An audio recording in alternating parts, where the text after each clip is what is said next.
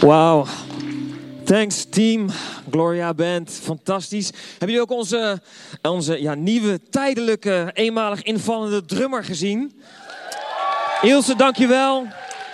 Ze is van City Life Church Tilburg. Daarom is het zo goed om deel te zijn van een groter geheel. Want vandaag is helaas onze eigen drummer op vakantie. Die kon hier helaas niet bij zijn. En dat moet ook kunnen, toch? Maar gelukkig zijn wij deel van een grote familie en dan bellen we iemand op en dan zeggen we: hey, we hebben iemand nodig, kan iemand komen? En dan uh, kunnen we elkaar zo helpen. En uh, dat hebben we vorige week ook gedaan. Vorige week was Vincent in Den Haag. Ze missen daar een bassist. Iedereen op vakantie, weg. Ik weet niet wat er precies was, maar Vincent was in Den Haag aan het spelen en uh, heeft dat heel goed gedaan. En ik kan het weten, want ik was ook in Den Haag. Het was een groot voorrecht voor mij om te mogen spreken in Den Haag op dat grote podium. En uh, zaal vol en met de tribune erbij.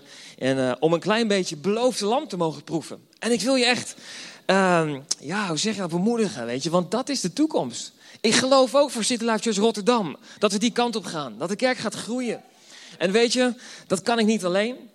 God brengt de mensen. Maar hij heeft ons nodig om iedereen te kunnen ontvangen. En om daarmee te kunnen gaan werken, om ze naar Jezus te wijzen. Om uh, Gods herstel, weet je, door ons heen te laten stromen naar nieuwe mensen. Maar we hebben een fantastische tijd gehad. En ik moet jullie toch even bedanken voor, ja, hoe zal ik dat zeggen? Jullie geduld voor al die preken die ik op jullie uitprobeer. Weet je?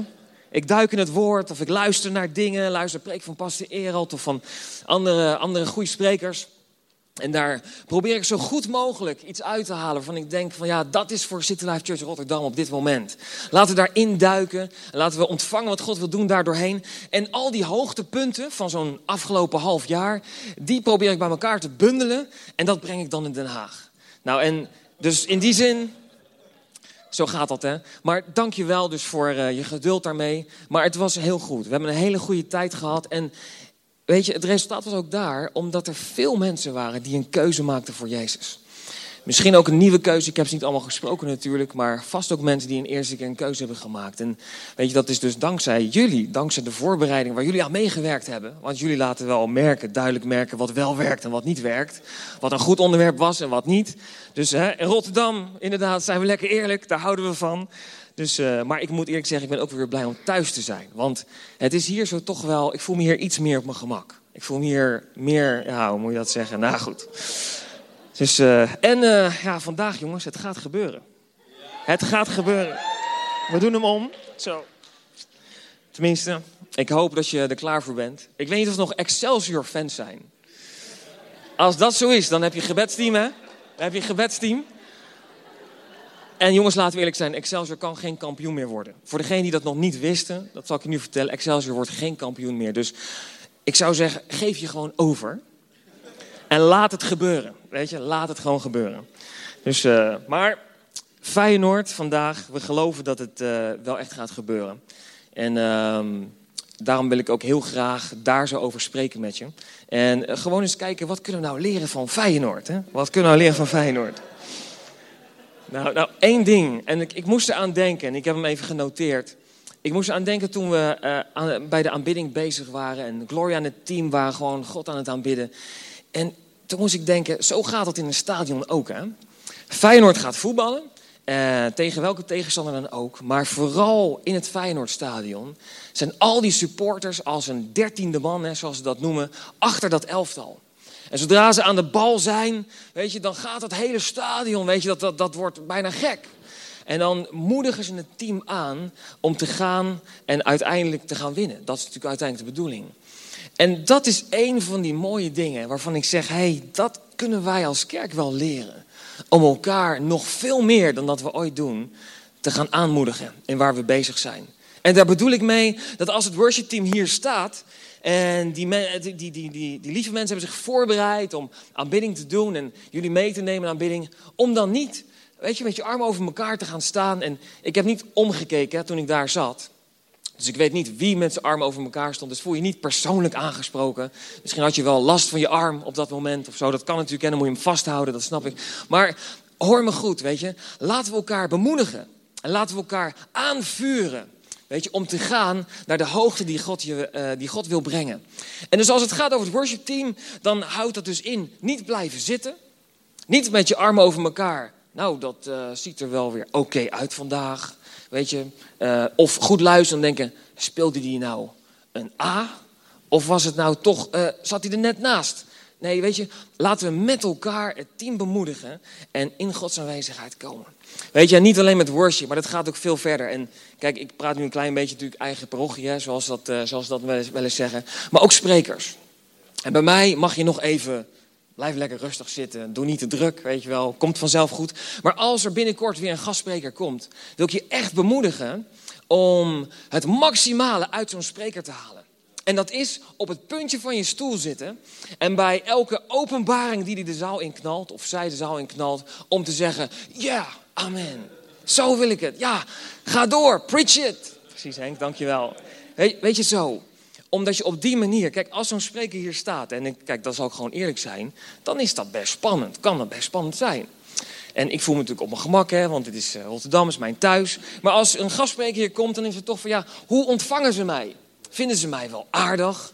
Uh, uh, het woord wat ik nu breng, past dat wel op dit moment in het seizoen waar ze in zitten? En als wij allemaal met elkaar zo zitten met onze armen over elkaar, van nou, wat gaat hij ons nou vertellen? Ik weet dat jullie dat natuurlijk niet doen, maar dat kan nog wel eens door je uh, hoe zeg je het, in je automatische zondagochtend gevoel zitten. Weet dat je hier komt om te luisteren, passief, en dan gaan we weer weg. Nee, maar probeer actief te zijn. Probeer te ontvangen wat God wil doen. En weet je, hoe slecht een spreker ook spreekt, hè? hoe slecht hij het ook doet. Ik geloof dat als jij open bent om te ontvangen wat God wil doen, dat hoe slecht de spreker ook is, ik sta hier ook. Nee, nee, nee, nee, nee. Je hoeft niet straks te komen bemoedigen van Daan, het komt, je doet het best oké of zo. Weet je. Nee, nee, nee, nee, nee. Maar, maar ik geloof zelfs dat door, eh, al is het maar één ding, ik geloof dat God tot je wil spreken. Absoluut, ik ben ervan overtuigd. Weet je, want Gods woord leeft.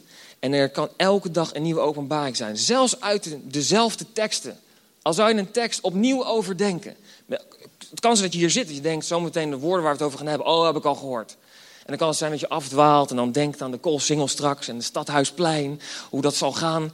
Nee, weet je, God wil ook door dezelfde teksten heen opnieuw dingen tot je zeggen. Opnieuw dingen tot je spreken.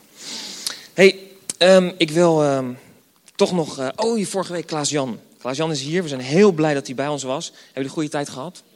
Ja, ja Klaas-Jan is echt geweldig. Ik, uh, ik moet eerlijk zeggen, ik ben nog niet live bij hem geweest in, uh, toen hij sprak. Ik heb hem wel eerder al even gehoord over de podcast. De podcast van vorige week was nog niet online, dus daar kon ik nog helaas niks mee. Maar we zijn heel blij dat hij in ons leven is. Elke in betrokken is bij Rotterdam. En uh, ja, we moedigen je ook om deel te nemen aan de Bijbelstudie. Hij gaat een Bijbelstudie geven, is er heel enthousiast over.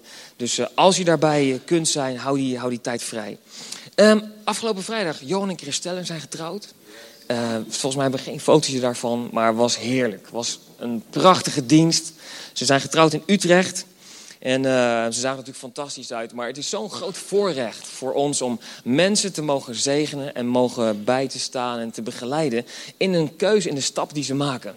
Door te zeggen, niet van, hé, hey, ik leef gewoon mijn leven, we gaan samen wonen en we zien wel waar we uitkomen. Nee, maar om met elkaar serieus, met de gemeente als getuigen, familie, vrienden, iedereen opgetrommeld, een kerk vol en elkaar dan te beloven voor Gods aangezicht. Te zeggen van, hé, hey, jij bent mijn partner. En daar zit zoveel kracht in, want het is het beeld van hoe God naar ons kijkt. God heeft ook een verbond met ons gesloten. Dat heeft hij gedaan door Jezus te sturen naar de aarde, die voor ons geleden heeft. En dat beeld, dat kan je parallel leggen aan het huwelijk.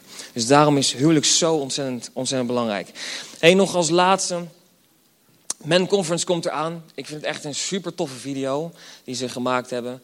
Uh, promo. En ik hoop echt dat je erbij bent. Niet de vrouwen natuurlijk, dat snap ik, maar de mannen.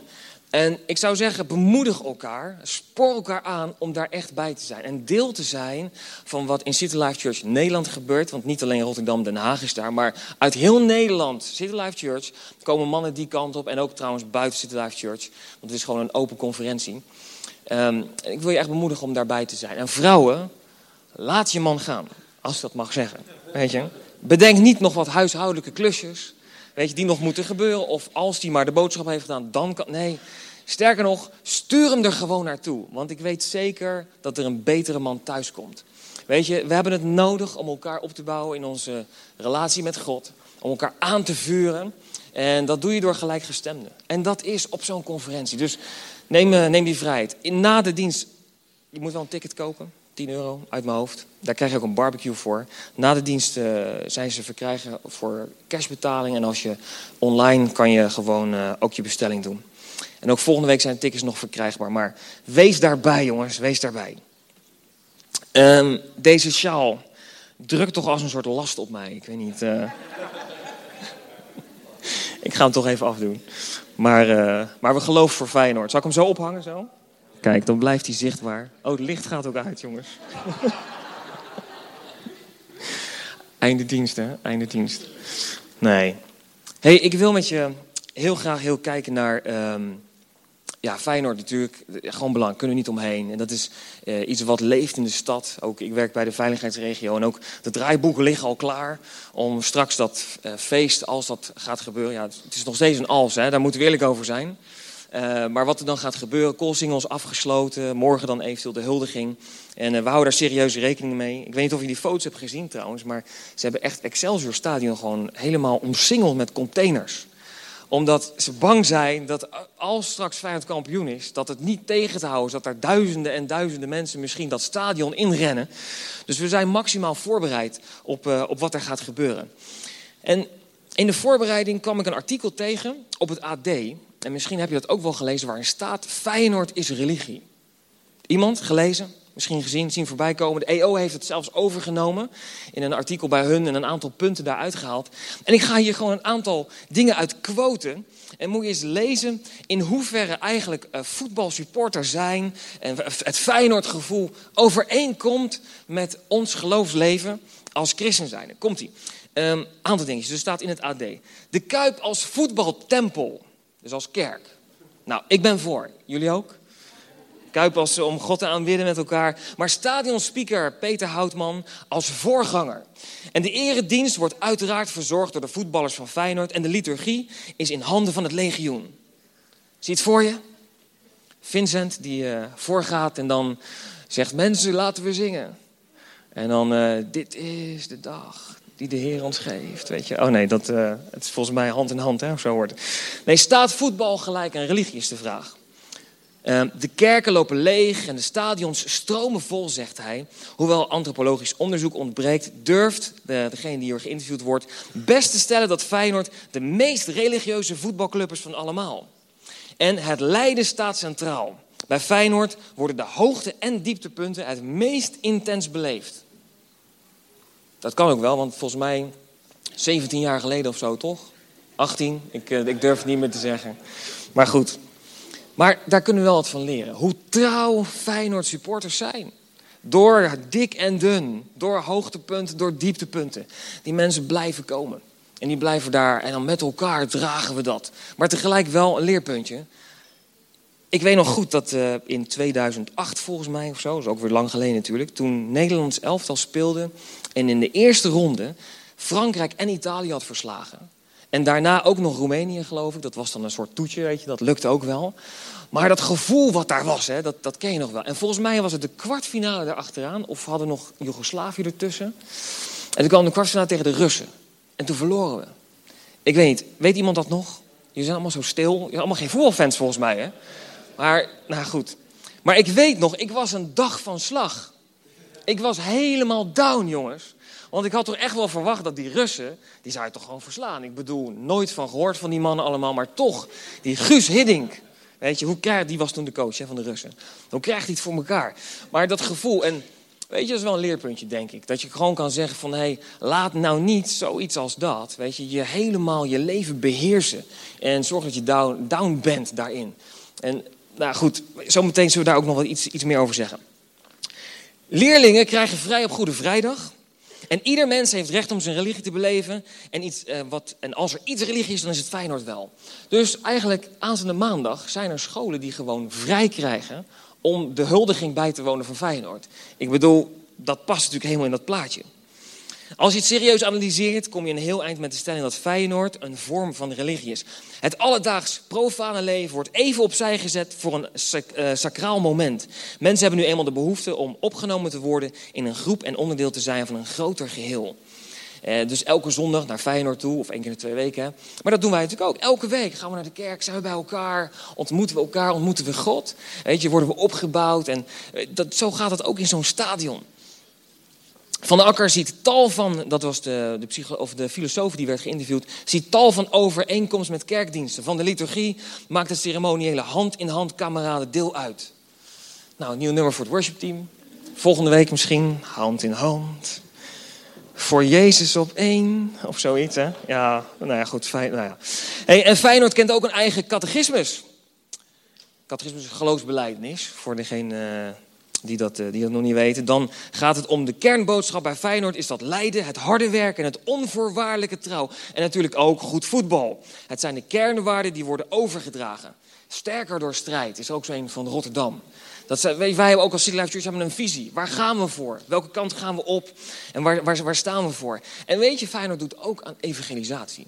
Ik weet niet of je daar dat al weet, maar de Feyenoord Foundation bestaat. Serieus, ik maak geen grap. En die hebben um, als doel zoveel mogelijk mensen in aanraking brengen met de normen en waarden van de club. Dat is toch letterlijk, zoals het ook hier staat, ik quote hem even, een post-religieuze manier van spreken. Toch is er op het eerste oog wel een verschil tussen voetbal en religie. Feyenoord-fans worden niet het eeuwige leven beloofd. Dat is nou jammer, hè? Zoals bij de wereldgodsdiensten wel het geval is. Dat is volgens, en dan deze filosoof, het een klein verschil. Nou, een klein verschil, ik hoop dat je het met me eens bent, dat is nogal een groot verschil. Ik bedoel, het zou wat zijn als je bij Feyenoord komt in het stadion en daarna weet je zeker dat je dan het eeuwige leven hebt. Dat je dan naar de hemel gaat. Ik ben benieuwd hoe die hemel dan eruit ziet. Maar er is nog één ander verschil.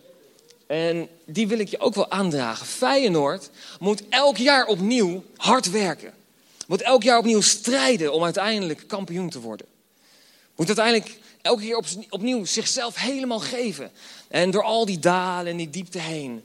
En weer 16 jaar wachten voordat het volgende moment. Nee, oh nee, nee, nee, nee, nee. Weten jullie trouwens, hè, even, even serieus. Kijk, Wen en ik, wij zijn vorig jaar in januari begonnen. En sinds wij gestart zijn hier als voorgangers, zijn we natuurlijk heel trots op. Maar heeft Feyenoord de beker gewonnen en worden ze landskampioen. Halleluja. Maar dat komt omdat jullie zo hard bidden, mijn lieve mensen. Kijk, weet je, mijn knieën zijn kapot van het bidden. En uh, de Heer voorziet, we zijn dankbaar, we zijn dankbaar. Maar dat is één groot verschil. En het grote verschil zit erin dat Jezus heeft de dood overwonnen. Jezus heeft de zonde verslagen, heeft de vijand verslagen. En wij hoeven niet meer elk jaar opnieuw te strijden en te strijden om uiteindelijk die beker in ontvangst te nemen. Nee, Jezus heeft al gewonnen en vanuit die rust mag je leven en mag je verder gaan. En toch is het helaas zo, en ik denk dat je het met me eens bent, dat als, je, als ik dit zo vertel, dat Jezus is al de champion. Jezus heeft al gewonnen. Jezus heeft de dood al verslagen. Jezus heeft al voorzien door zijn bloed dat we, uh, dat we vrij mogen zijn van zonde, maar ook dat we genezing en herstel mogen ontvangen. En dat zou toch iets zijn waar we wel enthousiast over mogen zijn. Maar laten we eerlijk zijn, hoeveel enthousiast, of hoe enthousiast zijn we nou eigenlijk als ik je dit zo vertel? Straks, als Feyenoord gewonnen heeft aan het einde van de dag. En ik hoop dat je herinnert dat als je ziet op tv wat er gebeurt, mensen gaan helemaal uit hun plaat. Hier zo zal het helemaal vol staan op de Koolsingel. En ook morgen bij de huldiging, op, de, op het bordes als ze daar staan. Mensen worden helemaal gek van, van enthousiasme. Maar hoe enthousiast zijn wij over het feit dat Jezus gewonnen heeft? Dat we naar de hemel mogen. Dat Hij ons heeft vrijgekocht. Dat als er verslaving is, dat door Jezus dat je vrijgebroken bent. Dat hij, dat hij op zich heeft genomen. En dat je in vrijheid mag gaan wandelen. Dat Jezus heeft geleden zodat wij ziekte mogen overwinnen.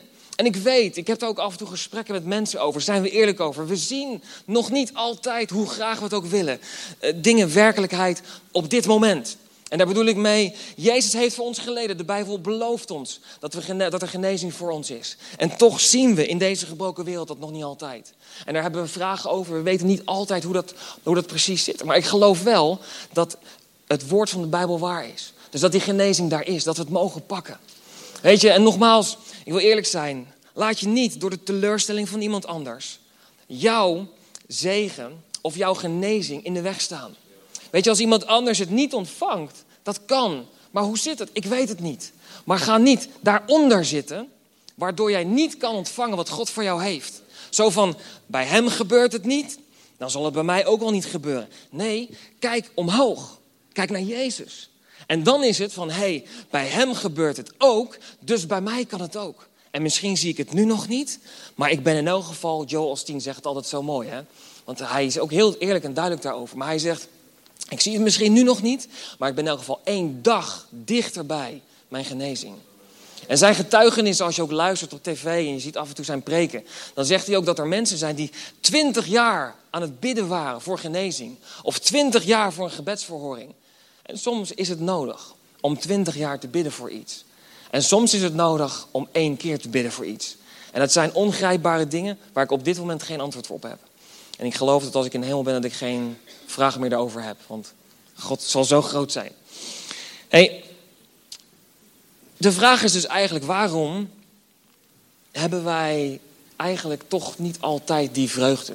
En dat er een soort euforie is van, wauw, Jezus is daar en ik ben vrij. En weet je, het lijkt soms wel, en misschien is het wel grappig, maar soms lijkt het wel alsof wij als christen het gevoel hebben dat we aan het degraderen zijn. Dat we onderaan de zone op de eredivisie, zo van elk moment kan het over zijn. Elk moment moeten we naar de eerste divisie. Sommige christenen leven alsof ze in de laagste klasse van de amateurvoetbal spelen. Weet je, het is een gekscherend voorbeeld, maar het is zo. Want de Bijbel staat zo vol met zegeningen. Zo vol met alle beloftes van God die hij voor je heeft.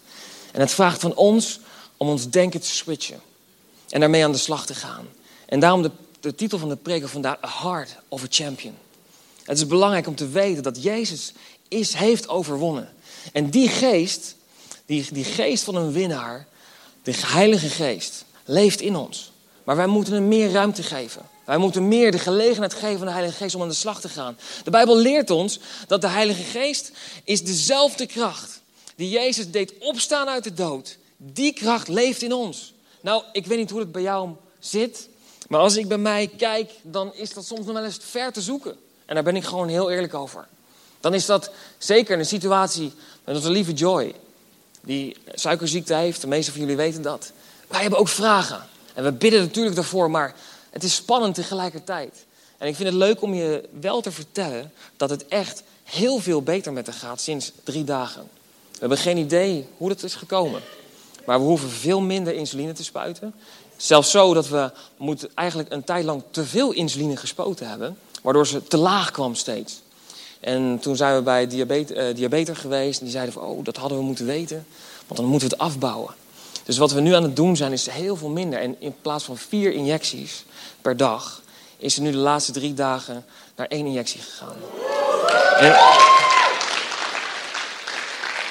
en we zijn God dankbaar. En weet je, tegelijkertijd ben je dan als nuchtere Hollander, weet je, zo zit je van, nou, weet je, ja, we moeten toch wel uh, niet te blij zijn, weet je wel. Want het zou zomaar kunnen zijn dat, weet je, nou, weet je, ik wil je vragen, help mij om deze overwinning te pakken. Weet je, sta in gebed achter ons. Weet je, en help ons te geloven dat een wonder mogelijk is. En laat die artsen maar verbaasd staan. Zo van, dit is niet mogelijk wat hier gebeurt. En dat wij kunnen getuigen en zeggen, nou, het is wel mogelijk. Want wij geloven in God en Hij geneest. Hij staat boven elke situatie. En weet je, ik vind het, het is bijna oneerlijk dat ik dit hier mag staan. Dat ik dit mag vertellen. Want jullie allemaal hebben je eigen verhaal. Jullie allemaal gaan door situaties heen en moeilijke, moeilijke dingen die je misschien meemaakt. En weet je, daarom wil ik je bemoedigen, zoek een connectgroep op. Zoek vrienden en vriendinnen om je heen om de situatie waar jij doorheen gaat te delen. Om eerlijk te zijn tegen elkaar en te zeggen van, hé, hey, Daniel vertelde over Joy, maar ik heb je ook een verhaal te vertellen. Ik ga zelf door dit heen. Of ik heb een eigen kind of familielid of vriend of waar, waar, waar, waar we voor geloven. Waar we hopen dat God ook iets, een verschil gaat maken. En weet je, ik wil je bemoedigen om die strijd niet alleen aan te gaan. Om niet alleen daar te staan, maar dat met elkaar te doen. En dat slaat weer terug op als je kijkt naar Feyenoord. Zoiets als dat, weet je. Er zit niet één persoon in dat stadion. Er zitten duizenden en duizenden mensen. En je merkt zeker in het geval van Feyenoord... dat zo'n publiek een team aanmoedigt en juicht. En dat je ziet waar Feyenoord soms nog wel eens een flater slaat in de eerste helft Of dat het in, in de, weet je, gedurende de wedstrijd er niet naar uitziet dat het gaat lukken. En dat ze dan toch tegen het einde, door dat publiek wat maar blijft jagen, wat maar blijft aanmoedigen van ga door, ga door, zet hem op, zet hem op. En uiteindelijk scoren ze toch, toch gelijk of toch gewonnen. Weet je, en daar wil ik je mee bemoedigen. En niet alleen voor, uh, voor jezelf, maar ook voor de mensen in je connectgroep. Wees ook een supporter van elkaar. Oké? hey, ik moet even mijn telefoon stilzetten, want ik hoor dat die aan het piepen is. Dingen, natuurlijk. Nu is dus de vraag, we hebben net gezegd, we leven als christen vaak te, te down, zeg maar. Dus het is belangrijk om die spirit van een champion, om die geest van een champion te pakken en een heart of a champion. En ik wil twee teksten met je lezen in de Bijbel. En dan gaan we kijken naar wat kunnen we daaruit halen. Uh, ja, hoe dat nou zit met een, met een met, met een hart, weet je, een hart van een kampioen. Wat gaat er in zo iemand om? Welke keuze maakt zo iemand? En uh, ja, daar gaan we gewoon eens even, de laatste 15 minuutjes heb ik nog, gaan we doorheen. Ik heb zeven punten, ik weet niet of we aan ze allemaal toe gaan komen. Maar ik doe mijn best en anders dan doen we het uh, over een andere keer, uh, het nog even rustig over. Ik wil eerst beginnen met Hebreeën 12, vers 1 tot 2. En dat is een tekst die je misschien ook al wel kent die niet, niet, niet onbekend zal zijn. Paulus zegt hier, nu wij door zo'n menigte geloofsgetuigen omringd zijn, moeten ook wij de last van de zon. Hier heeft hij het over dat er dus mensen zijn, en het gaat over de voorvaderen, die ook ons bemoedigen. En achter ons staan, die kijken naar van hoe gaat dat daar op aarde, hoe gaat dat met al die gelovigen. En dus er zijn mensen die ons aanmoedigen, moeten ook wij de last van de zonde, waarin we steeds weer verstrikt raken, van ons afwerpen en vastberaden de wedstrijd lopen die voor ons ligt. Dus de wedstrijd waar het hier over gaat. Paulus ziet het leven van ons als gelovigen als een wedstrijd. Een wedloop in een, in een andere vertaling. Die we moeten gaan en mogen volhouden tot het einde. En laten we daarbij de blik gericht houden op Jezus. De grondlegger en voltooier van ons geloof. Denkend aan de vreugde die voor hem in het verschiet lag, liet hij zich niet afschrikken door de schande van het kruis. Hij hield stand en nam plaats aan de rechterhand van de troon van God. En laat dat u doordringen hoe hij stand hield tot de zondaars zich zo tegen hem verzetten, opdat u niet de moed verliest en het opgeeft. Paulus moedigt ons aan om door te gaan, niet de moed op te geven. Niet de moed op te geven, maar door te gaan. En de vraag aan jou en mij is, welke loop, welke, welke race ben jij aan het wandelen? En ik hoop dat het de weg is die God voor je heeft. En die is, dat is vaak, een, hoe zeg je dat, zo'n zo'n loop met van die horden. Soms moeten we ergens overheen springen. Soms komen er dingen op ons pad die onverwacht zijn. Maar Paulus moedigt ons aan hier zo, om door te gaan en vol te houden. En ik wil nog een andere tekst, ook van Paulus, 1 Korinthe 9, vers 24 tot 27. Eigenlijk een tekst die daarop lijkt. En ik zie voor me dat Paulus misschien wel een sportfan was. Dat hij ook in zo'n arena zat of in zo'n voetbalstadion. En daar die sporters zo zag voorbij komen. En dacht van, hé, hey, dat is een mooi vergelijk. Dat kan ik mensen mee duidelijk maken hoe het zit in het leven. Want we lezen in 1 Korinthe 9, vers 24 tot 27. Weet u niet dat van de atleten die in het stadion een wedloop houden, er maar één de prijs kan winnen? Ren als de atleet die wint. Hij zegt hier, geef alles. Geef alles wat je hebt. Nee, niet genoeg met een klein beetje, weet je, tweede plaats of misschien achteraan, maak het uit, iemand anders is toch vast beter. Nee, hij zegt, ga ervoor. Ga ervoor, ren als de atleet die wint. En iedereen die aan een wedstrijd deelneemt, beheerst zich in alles. Gaan we het zo meteen over hebben. Beheerst zich in alles. Echte atleten ontzeggen zich veel dingen, gaan vroeg slapen, eten anders. En hun leefpatroon is compleet anders dan mensen die s'avonds voor de televisie zitten van 7 uur s avonds tot 1 uur s'nachts. En daarna Netflix aanzetten. Nee, ik heb het niet over mezelf, lieve mensen. Nee, nee, nee, nee, nee. Ik hou wel van Netflix. Daar zitten soms prachtige series op. Waar we ook veel van kunnen leren. En uh, kunnen kijken hoe dingen niet moeten. En soms ook hoe je dingen wel kan doen. Dus, uh, maar ik kijk ook lekker Netflix, geen probleem. Iedereen die aan de is, oh ja, dat zeiden we al. Uh, atleten doen het voor een vergankelijke erekrans. Maar wij echter voor een onvergankelijke. Eigenlijk staat hier gewoon, waarom rennen wij zo traag? Je zou eigenlijk veel harder moeten rennen, omdat de krans die voor ons klaar ligt, is een eeuwige krans. En daarom ren ik niet als iemand die geen doel heeft, en vecht ik niet als een vuistvechter die in de lucht slaat. Dus Paulus doet niet zomaar wat. Loopt niet, weet je, gewoon, nou, laat ze hier rennen, kijken wat. Nee, hij rent met een doel. En hij slaat niet als een vuistvechter in de lucht, maar hij slaat raak. Dat is wat ik hier uithaal. En ik hart mezelf en oefen me in zelfbeheersing. Oh mensen, dat is zo'n ding. Daar hebben wij als mensen zoveel moeite mee. Ik oefen mijzelf in zelfbeheersing. Want ik wil niet aan anderen de spelregels opleggen om uiteindelijk zelf te worden gedisqualificeerd. Dat is zo wat, hè? Dat je andere mensen helpt of probeert te helpen om een leven van God te leven. En dat je uiteindelijk zelf faalt. Er zijn zoveel voorbeelden, ook in onze omgeving, van mensen die op podia's hebben gestaan. En die, die andere mensen helpen. Of proberen te helpen en onder God onderwijzen, maar uiteindelijk zelf falen. Uiteindelijk zelf niet dat er dingen toch in hun leven zijn waar ze niet mee aan de slag gaan. Het is toch zonde, zoals je ook hier leest, als dat gebeurt. En de vraag aan ons is om vol te houden, door te gaan, weet je, en niet op te geven. Laten we kort nog bidden. Vader, dank u voor wie u bent hier. En ik weet, we zijn al bijna aan het einde van het woord, maar Heer, we willen ontvangen wat u wil spreken vandaag. En Heer, alles wat u spreekt door uw woord heen. Ik bid, Heer, dat het in onze harten zal komen. En ik bid dat voor vandaag, voor iedereen hier een bemoediging zal zijn. Om te ontvangen, Heer, wat, wat u wilt doen in ons leven. En ik bid dat als er mensen zijn, Heer, die teleurgesteld zijn geraakt in de weg die ze gegaan zijn met u. Ik bid, Heer, dat we vandaag nieuwe bemoediging en nieuw vuur zullen ontvangen in Jezus' naam. Nieuwe verfrissing ontvangen in Jezus' naam. Heer, u bent goed, u bent zo groot, Heer. We houden van u, Heer. En we zien uit naar wat u voor ons heeft in Jezus' naam. In Jezus' naam. Amen. ik heb zeven punten en ik vrees dat ik ze niet allemaal kan opnoemen, maar het allereerste punt. Wat is nou, wat zie je echt bij kampioenen? Wat zie je bij ook zo'n Feyenoord? Dan, dan lees ik als eerste focus.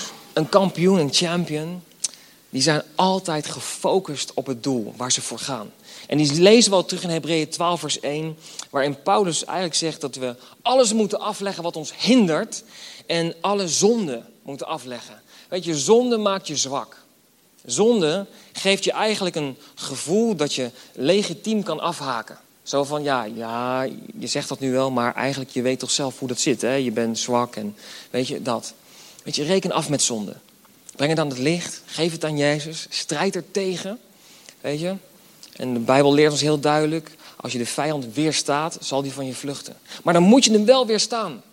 Dan moet je het niet over je heen laten komen. Weet je, weerstaan. En ik weet zeker, er is altijd een uitweg.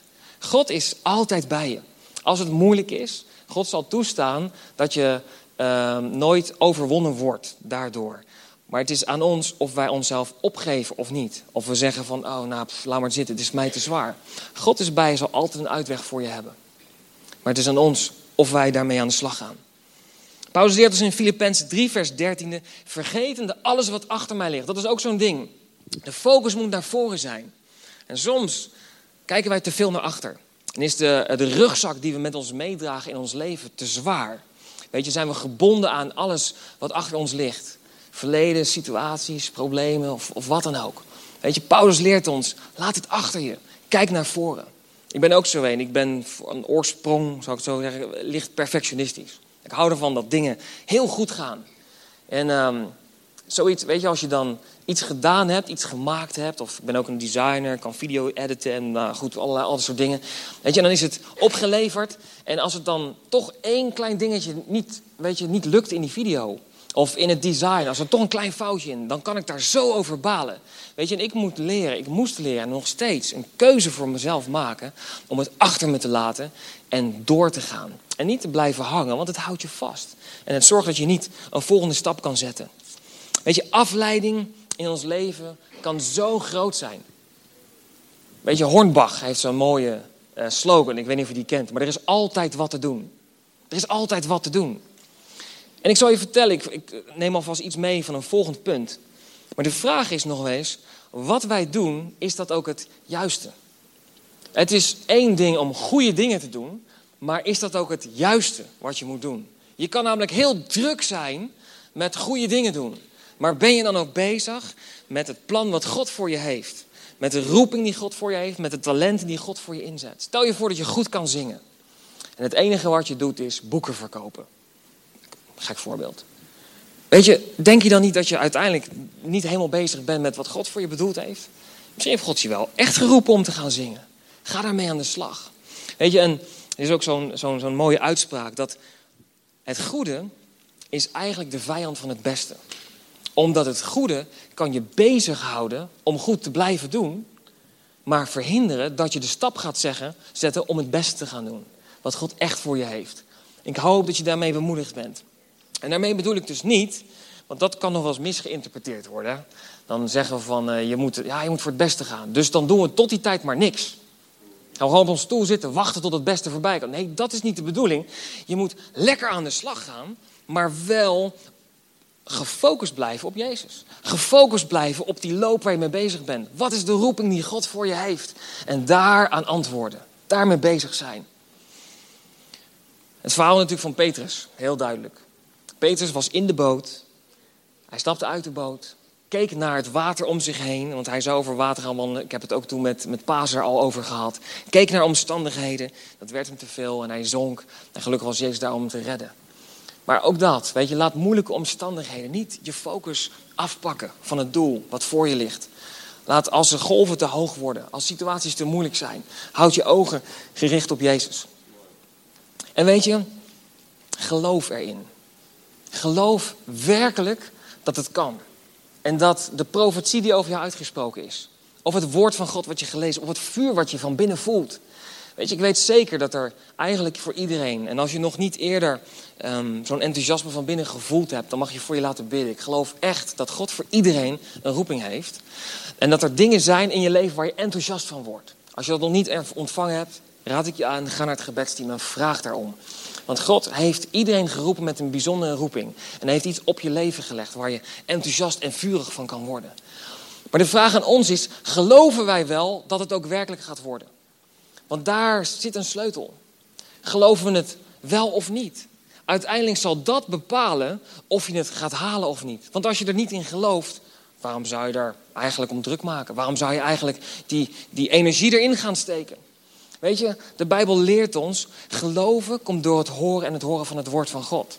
En ik vind zo mooi die dubbeling die erin zit. Komt door het horen en het horen van het woord van God. Weet je, dat is dus niet één keer luisteren naar de preek op zondag en dan zien we de volgende de rest van de maand wel. Nee, dat is het woord van God herkauwen. En opnieuw daarin bezig zijn. Je daarin vastbijten. Weet je, en echt ontvangen wat God wil doen. Zorgen dat je kopie de andere kant op gaat. Van naar beneden, naar de degradatiezone, omhoog kijken. Feyenoord, er stond een stukje, een tijdje geleden in de krant een stukje, dat Feyenoord eigenlijk alleen nog tegen zichzelf strijdt. Geloof je dat?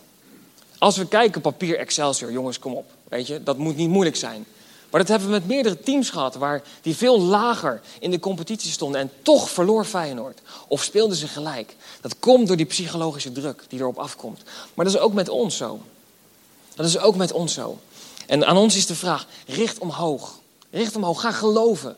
Daarom is het ook met sporters zo dat er mentale coaches worden ingeschakeld. Vroeger ging het waarschijnlijk alleen maar met gewoon trainen, jongens, fysiek sterker worden en come on, let's go. Maar als je met je kopje er niet bij bent, als je eigenlijk niet gelooft wat je aan het doen bent, daar worden mentale coaches voor ingezet. En die worden, worden ingezet om een team te trainen en te helpen om echt te gaan geloven en te gaan uitstralen dat het mogelijk is. En dat zag je ook bijvoorbeeld in de tijd van Louis van Gaal. Prachtig. Er is ook een mooi boekje over geschreven, over hoe zijn zeven managementprincipes. Leuk om te lezen, ik zal het niet, uh, niet verder aanraden of zo, maar het is leuk om, om, om, om, te, om te zien hoe hij daarin zat. Weet je, hoe Louis van daarmee aan de slag ging. Maar een van zijn dingen was, straal zelfvertrouwen uit. Straal het uit. Laat zien dat je het kan. En word niet panisch als het een keer misgaat. Of als het een keer de andere kant um, um, dreigt mis te gaan. Maar hou vol en hou vertrouwen. Weet je, de Bijbel leert ons, geloof als een mosterdzaadje en je kunt bergen gaan verzetten. En nog zo één. Denk je nou echt dat als God jou een roeping geeft, dus God vraagt iets van jou om te gaan, iets, iets te gaan doen in je leven, dat hij je die roeping geeft en daarna met rust laat en daarna alleen laat, in de steek laat, zo van zoek het maar uit? Absoluut niet. Vertrouw God dat hij bij je is en blijf volhouden en blijf, blijf geloven. Ik zie dat de tijd doorgaat, dus ik ga heel snel door de punten, omdat ik je wel wil geven. Misschien dat we in een volgende spreekbeurt nog eens even goed doorlopen. Maar champions zijn toegewijd. Toegewijd en gedisciplineerd om te gaan voor uiteindelijk het hoogst haalbare. Weet zijn toegewijd in voorbereiding, maar ook om te werken aan zwaktes. En daar wil ik heel kort iets over zeggen. Want als jij een zwakte hebt in je leven, dat hebben we allemaal, daar moeten we eerlijk over zijn. en jij zegt, ik ga daar niet aan werken, maar ik ga daar omheen werken. Wat gebeurt er dan? Ik zal hem even visueel maken. Je gaat er omheen werken. Dan maak je het centraal in je leven. Als je om je zwakte heen gaat werken, maak je het centraal in je leven. En dat moet je niet doen. Want dat blijft altijd je, hoe zeg je dat? Ja, je zwakke punt. Geef je zwakte aan God. En de Bijbel leert ons dat in Hem zijn wij sterk. Door God kunnen wij sterk zijn in onze zwakte. En geef dat aan Hem. En zorg dat je daarmee aan de slag gaat. En durf te confronteren. Durf jezelf te confronteren en te gaan groeien. Dus echte champions zijn niet bang. En deze is de ene laatste en de andere punten doen we later. Maar weet je dat, ik hoop niet dat hier nu een psycholoog in de zaal zit en die zegt van, Daan, klopt niks van. Maar angsten, eigenlijk zijn we in ons leven, als we bang zijn, het meest bang voor dingen die eigenlijk nooit gebeuren. Of die misschien eventueel zouden kunnen gaan gebeuren. En ik heb er drie opgeschreven. Faalangst. We zijn bang dat het niet goed gaat. En dat houdt ons soms tegen om ook daadwerkelijk een stap te gaan zetten. We zijn ook bang om afgewezen te worden. En een derde is, we zijn bang voor wat zou kunnen gaan gebeuren. Stel je voor dat je die stap gaat zeggen. Wat voor verantwoordelijkheid zou je dan kunnen gaan krijgen? Wat zouden andere mensen wel niet van je vinden?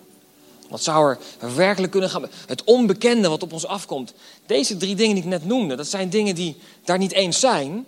Die zijn er nog helemaal niet. Maar we zijn bang voor dingen die er nog helemaal niet zijn. Hoe gek is dat? Maar zo vaak is dat in ons leven wel zo. En wat is dan uiteindelijk verhindert om die stap ook werkelijk te gaan zetten? En wat is nou de sleutel voor die angst? Ik hoop dat je die tekst kent. Maar perfecte liefde drijft alle angst uit. Perfecte liefde drijft alle angst uit. Weet je, moedig zijn gaat niet over de afwezigheid van angst. Maar moedig zijn gaat erover dat ondanks angst, ondanks ehm, dat je uh, twijfelt of het gaat lukken, of dat, dat je bang bent of het wel of niet gaat gebeuren, dat je toch die stap gaat zetten. En dat je daar toch mee aan de slag gaat.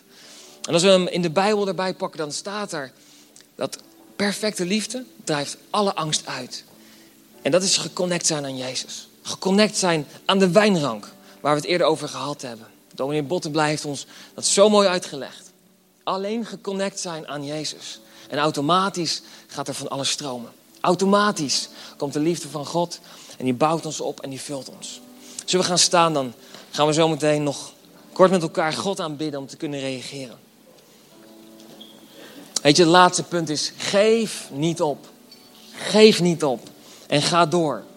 We lezen het in de Bijbel, in, in, in, een stuk van Hebreeën, waarin staat: zonder op te geven. Zonder op te geven. Weet je, het is makkelijk om iets te beginnen. Het is makkelijk om praatjes te hebben en te zeggen: Wauw, als ik eenmaal, of als God dit, of Weet je, maar de Bijbel leert ons ook, als we wachten op de juiste omstandigheden, dan zullen we nooit starten, zullen we nooit beginnen met bouwen. En de vraag aan ons is, wanneer gaan wij beginnen? Wanneer gaan wij die stap zetten? Of misschien is voor jou de vraag, wanneer ga jij de volgende stap zetten die God voor je heeft? Weet je, ik geloof dat God een roeping voor je heeft die zoveel groter is dan waar jij bent op dit moment. We zeggen heel vaak, the best is yet to come. Dus waar je nu bent is oké, is leuk. Maar het mooiste moet nog komen. Er is zoveel meer van God voor jou en voor mij.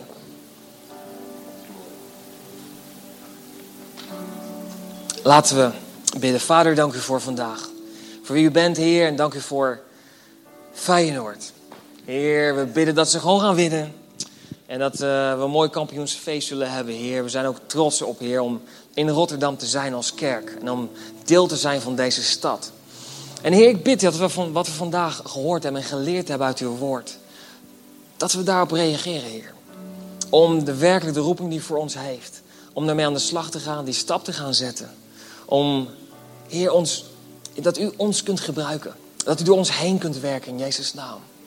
En ik bid, Heer, dat als er dingen zijn in ons leven die ons blokkeren, die ons tegenhouden, wat het ook kan zijn, angsten, of uh, niet durven door te gaan, of opgeven, alle afleiding die op ons afkomt. Ik bid, Heer, dat u het ons laat zien en dat u ons sterk maakt in Jezus' naam om een volgende stap te gaan zetten in ons leven met u.